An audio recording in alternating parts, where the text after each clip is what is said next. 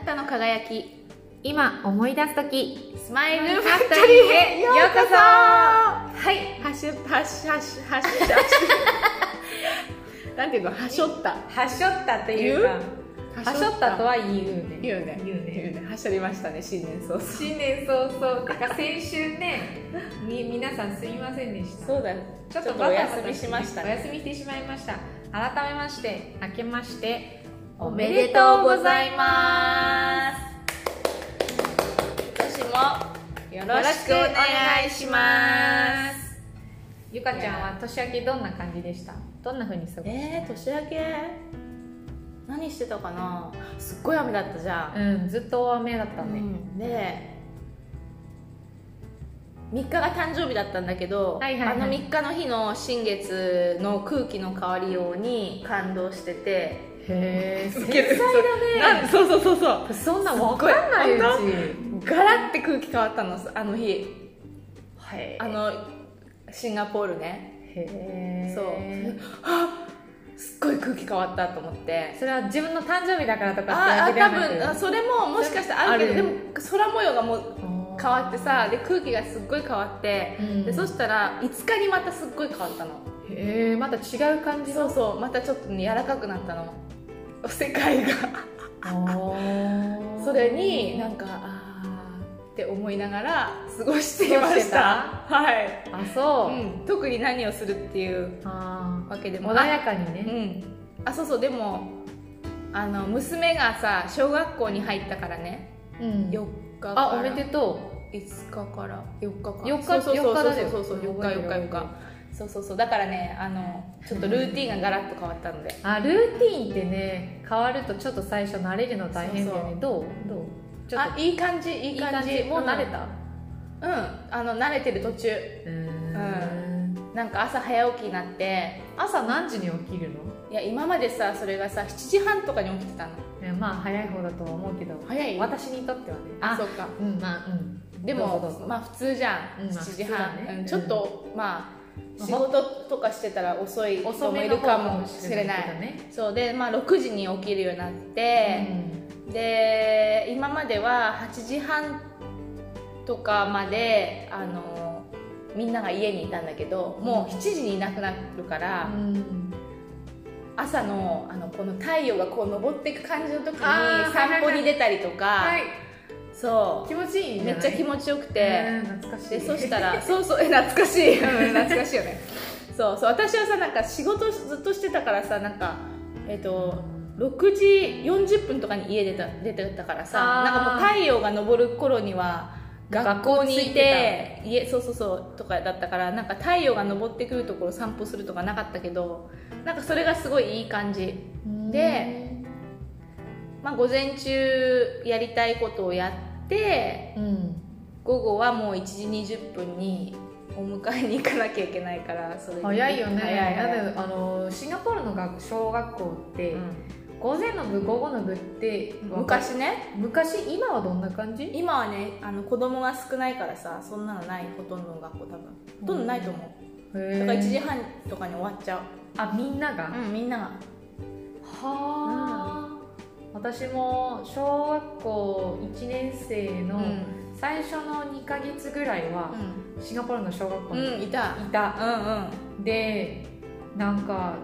最初はウェルカムだったのうに、ん徐々にいじめられちゃって、うん要は私日本人とシンガポール人のハーフだから、あの同級生の親がさ、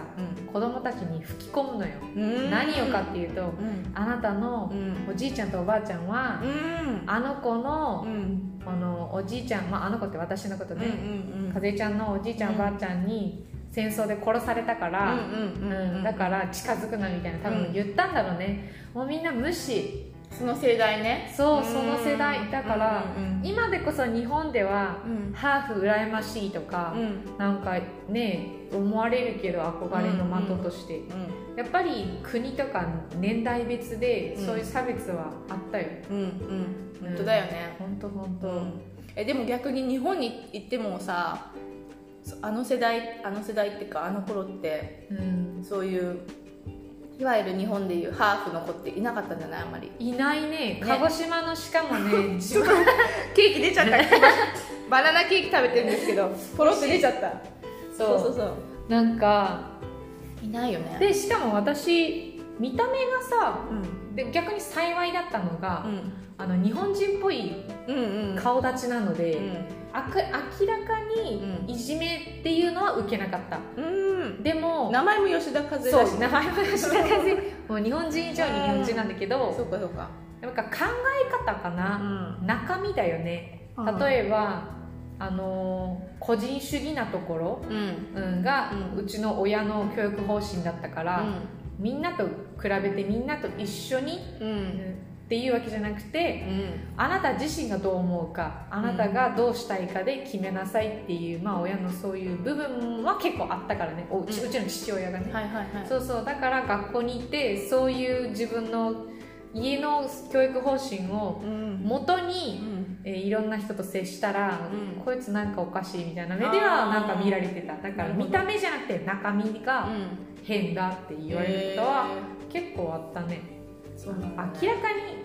ガーって言われることはなかったけど、うんあからさまにでもなんか目線で感じるあー繊細だねやっぱりねしうわーやっぱ繊細だよね、超繊細だと思ううんいやでも目線で感じるよね感じるあと雰囲気空気うん空気の流れが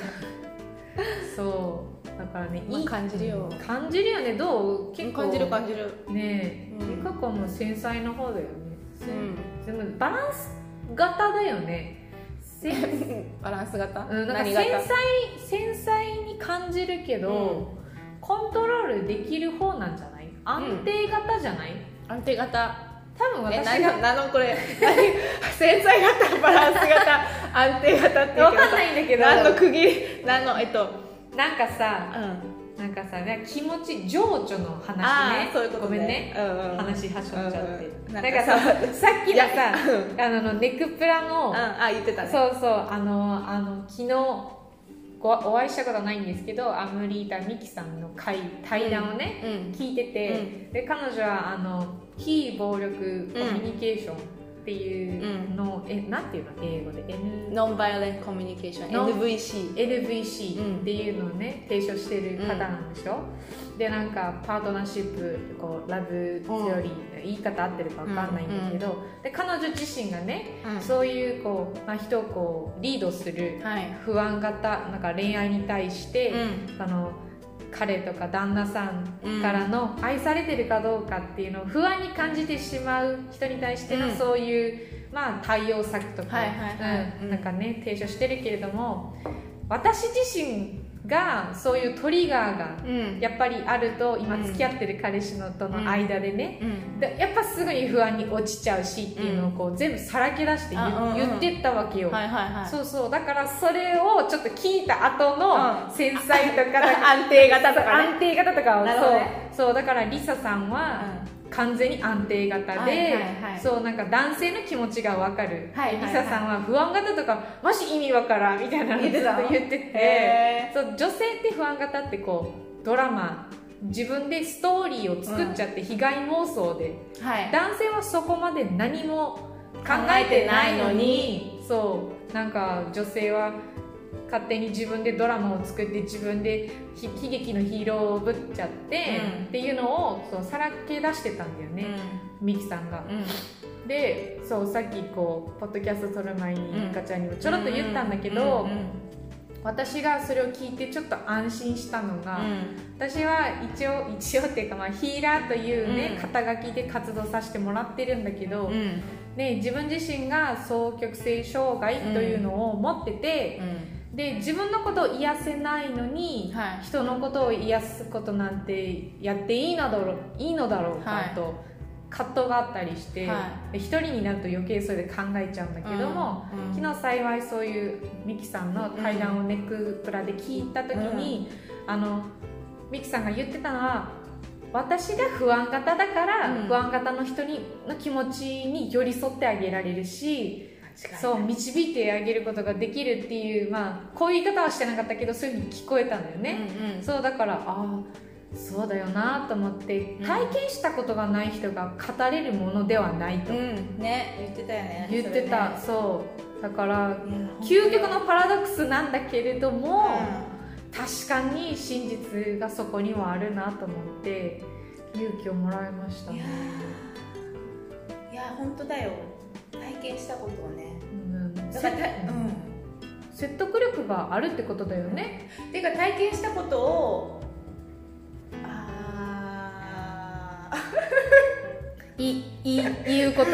が体験したことをうん語っていけば、うんあの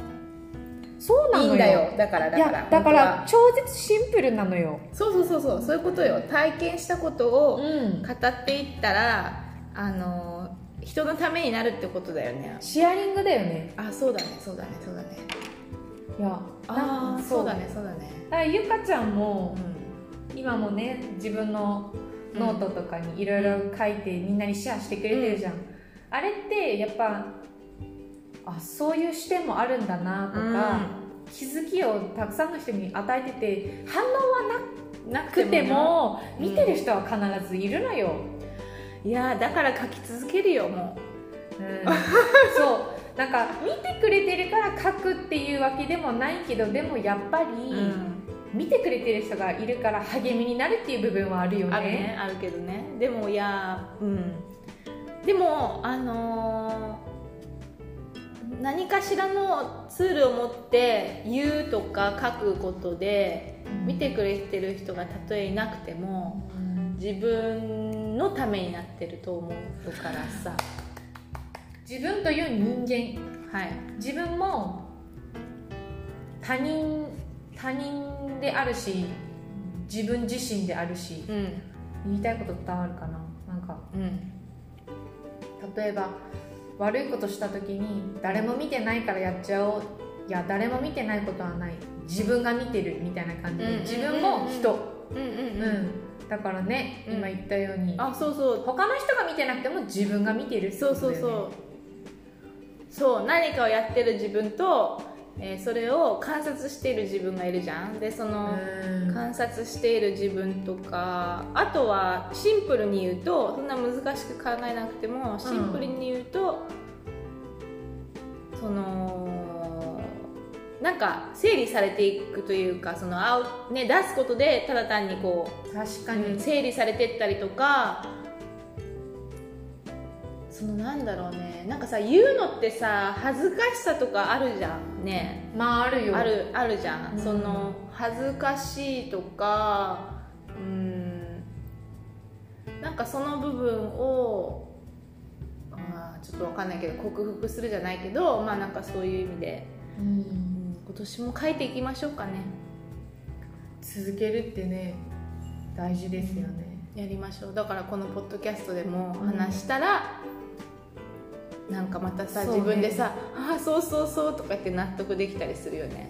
ね聞いててねそう自分たちで撮った後聞いてうんさ、そうそうそうすぐ忘れちゃうから言ったこと私あもかるすぐ忘れそうるなんだっけ今回話したこと本当このスマイルファクトリーっていうポッドキャストのコンセプトに合ってるのかうん何なのか軽やかに行き過ぎだよね軽やかさ大事よ、うんでも本当にいやー本当にそんな感じでね、うん新年から気づきが満載だったね満載でしたじゃあ今回はここら辺にししておときますこかうそうしよはいうじゃあまたねまたねせーのバイバイバイバイ